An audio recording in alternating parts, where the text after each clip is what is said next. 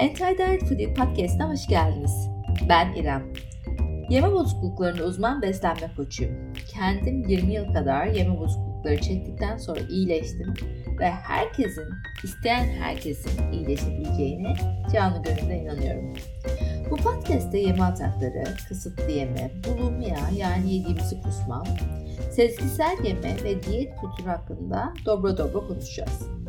Ama tabii bu konuşmalar hiçbir zaman psikolojik ya da tıbbi bir yardım yerini tutmaz. Eğer psikolojik ya da tıbbi yardım ihtiyaç duyuyorsanız lütfen gerekli araştırmayı yapın ve en kısa zamanda yardım alın. Bugün ay, zor oturdum buraya ee, mikrofonun karşısına bilmiyorum niye bir uykum var hava karanlık bir sıcak bir mayışıklığım üstünde ama ertelemeyi de sevmiyorum. Bu podcast benim için gerçekten çok önemli. Size e, ulaşmanın bir başka yolu da bu podcast'ten geçiyor. Sizden çok güzel yanıtlar alıyorum, tepkiler alıyorum. Çok teşekkür ederim vaktinizi ayırdığınız için, bunu dinlediğiniz için, bana yardımcı olduğunuz için. Bazılarınızdan çok tatlı, e, yapıcı feedbackler geliyor. Onlara da çok teşekkür ediyorum. O yüzden oturdum, notlarımı aldım Şimdi başlıyoruz. Bugün konuşacağımız konu, üstüne değinmek istediğim konu vücudumuzda neler oluyor yeme bozuklukları yaşarken. Psikolojik olarak çok bahsettik. Neler yaşıyoruz, nasıl e, idare edebiliriz, nasıl yönetebiliriz bu süreci diye ama vücudumuzda neler oluyor, kan değerlerimizde neler oluyor, DEXA, kemik ölçümlerinde neler oluyor bunları konuşacağız biraz. Ama her şeyden önce bir sözüm var size. Geçen haftalardan kalan bir soru vardı. Gece yemeleri hakkında. Beni e, izleyenlerden bir tanesi, Instagram'da takip edenlerden bir tanesi gece çok yediğinden bahsetmişti ve bunu nasıl durdurabileceğini bilmiyordu. Bu soruya önce cevap vererek e, başlamak istiyorum. Gece yemeleri genelde gündüz yememelerinin bir sonucudur. Gündüzleri yeterince kalori almıyorsak bu e, kalori açığı toparlamak için vücut gece, akşam saatlerinde özellikle karbonhidratlar ve şekerli gıdalarla beslenmeyi seçer ve çokça e, yemeği seçer.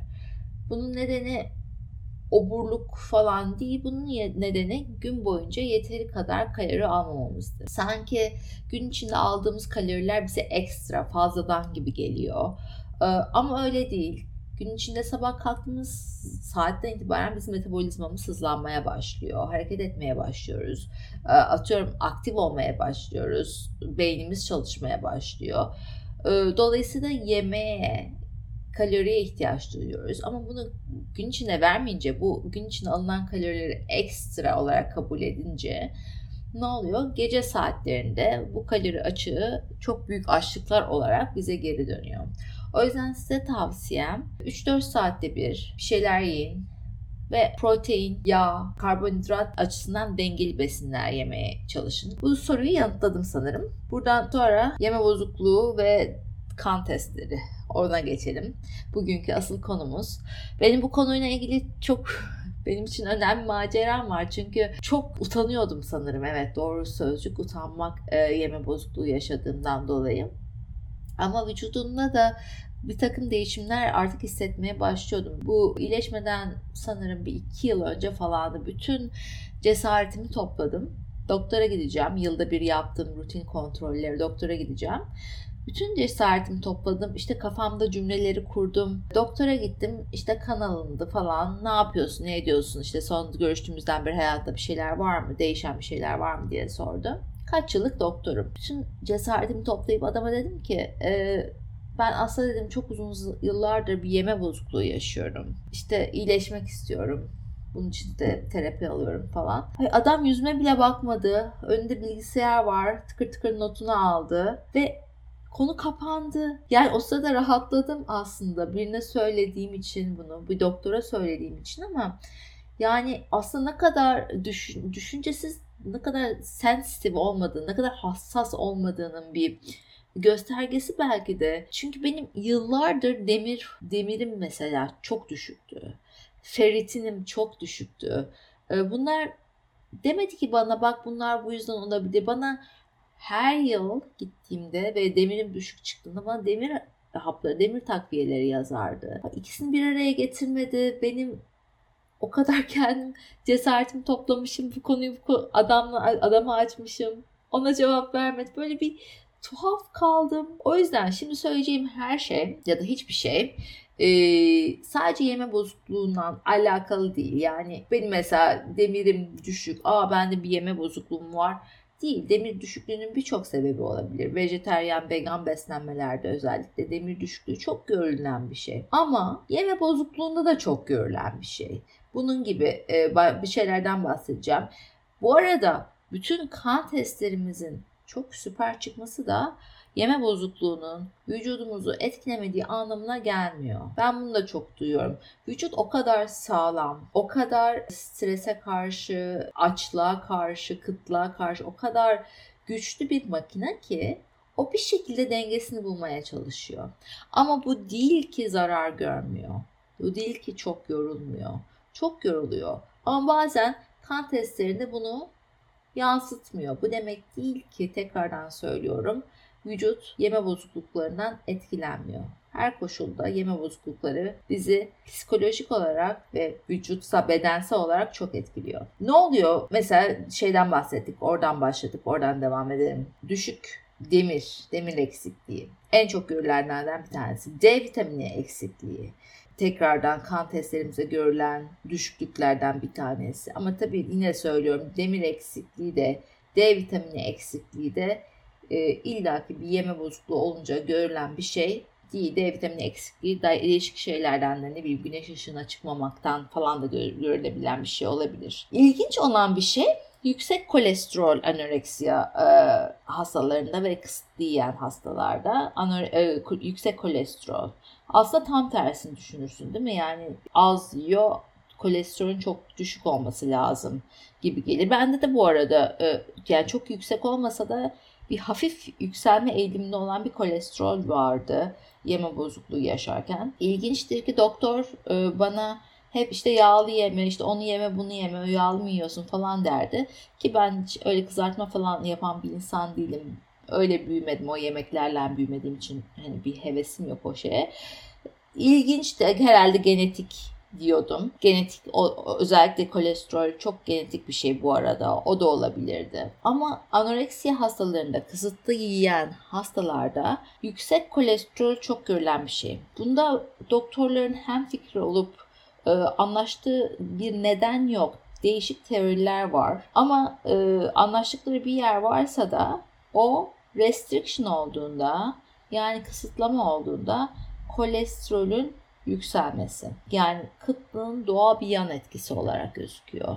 Bu biraz bazıları şey diye bazı doktorlar şey diye açıklıyor. Onda hem fikirler. Hani nasıl e, vücudumuz e, çok fazla diyetlerden sonra bir şeyler yemeye başladığımızda bu ilk yemeği depolar. Onu yağ hücresi olarak depolar vücutta ki bir sonraki kıtlığa karşı hazırlıklı olabilsin diye.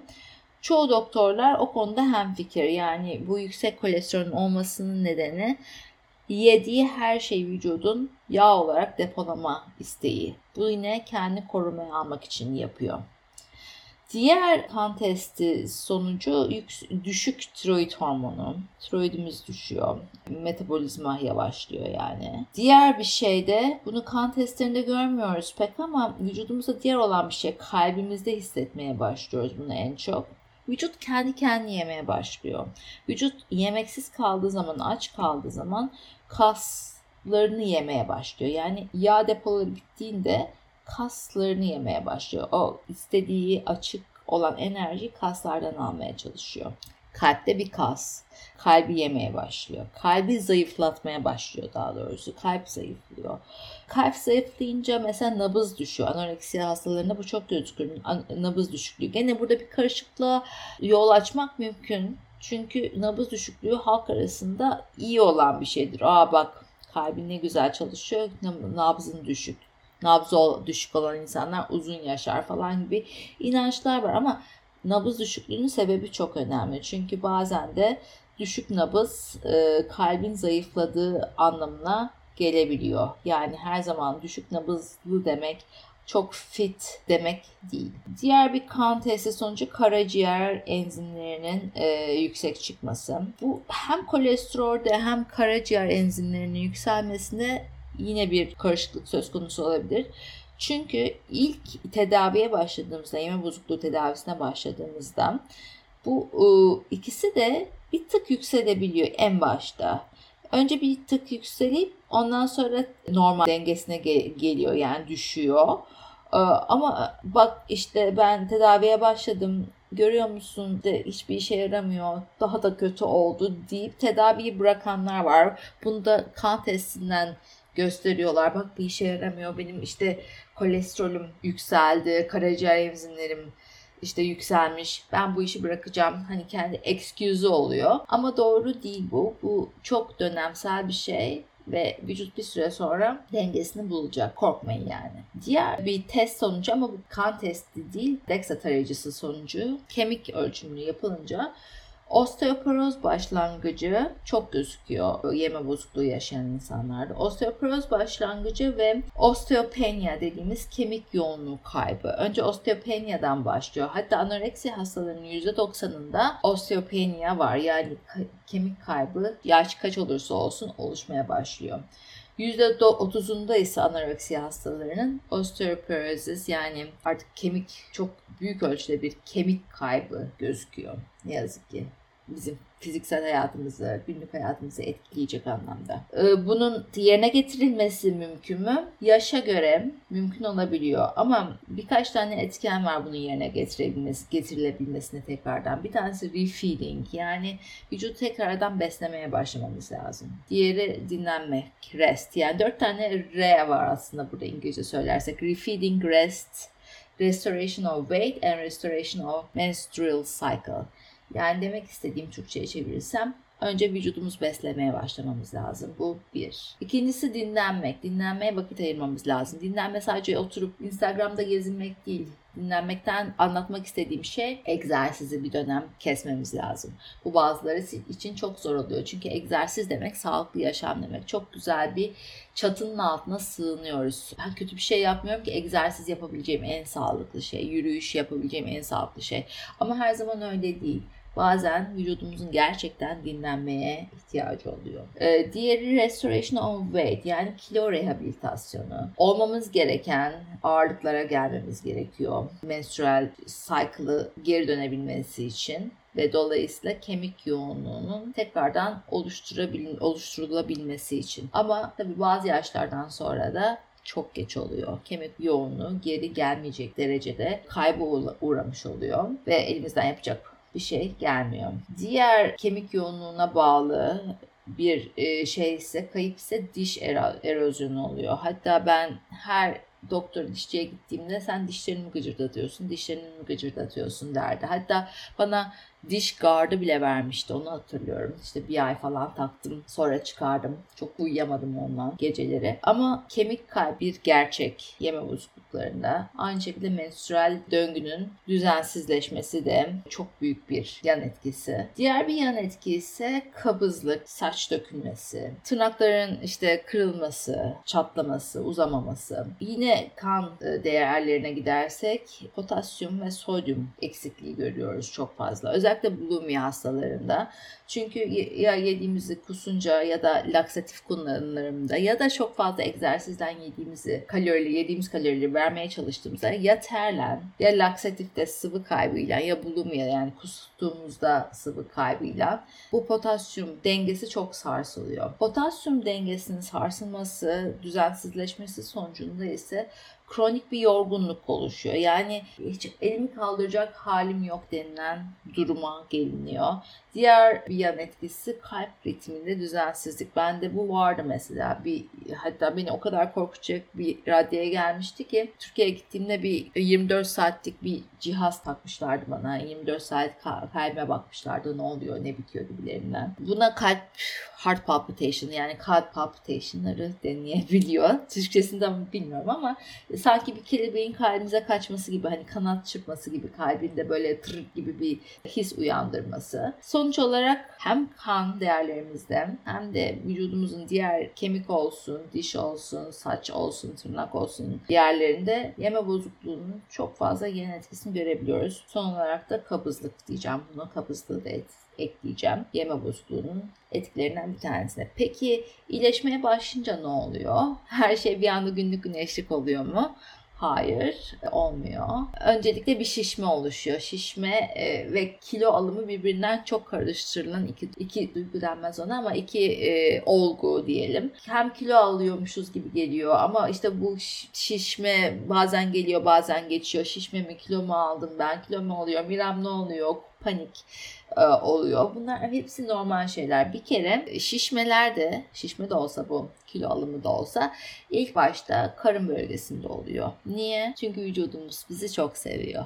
Ne demek istiyorum? İç organlarımızı korumak istiyor. Vücut onu korumak, korumaya almak istiyor. O yüzden ilk e, kilo alımı o bölgede, orta bölgede oluyor. Bazıları yeme bozukluğu koçları ya da psikologları bunu çok fazla korkutmamak için e, söylemiyorlar danışanlarına ama bence söylenmesi gereken, paylaşılması gereken bir şey. Çünkü hepimizin başından geçiyor. Yani şişmeden, yeme bozukluğundan iyileşen kimse gerçekten yok.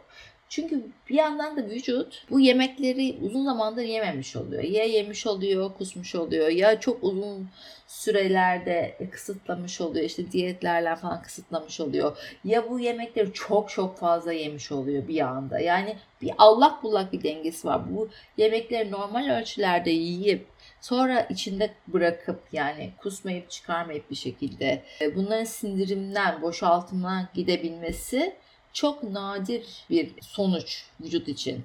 O yüzden bu sindirim enzimlerini de üretmeyi unutuyor büyük ölçüde. Yani ilk yediğimiz şeyler, ilk yediği yemeye başladığımız şeyler, diyetimize sokmaya başladığımız şeyler biraz gereğinden fazla sindirim sisteminde, karın bölgesinde yani kalıyor.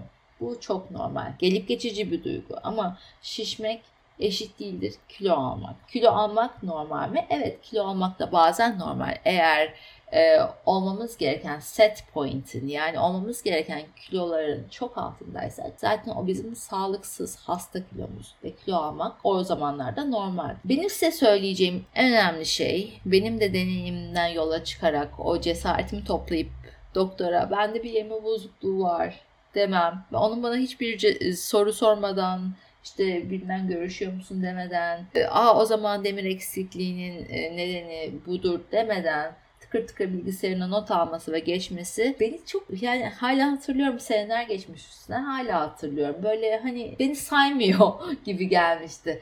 O yüzden gittiğiniz doktorun yeme bozukluklarına biraz fikri olsun derim. Çünkü kalbini açıyorsun birinden yeme bozukluğunu paylaştığında. Seni görmezden gelmesi, gel, görmezden gelmesini istemiyorsun.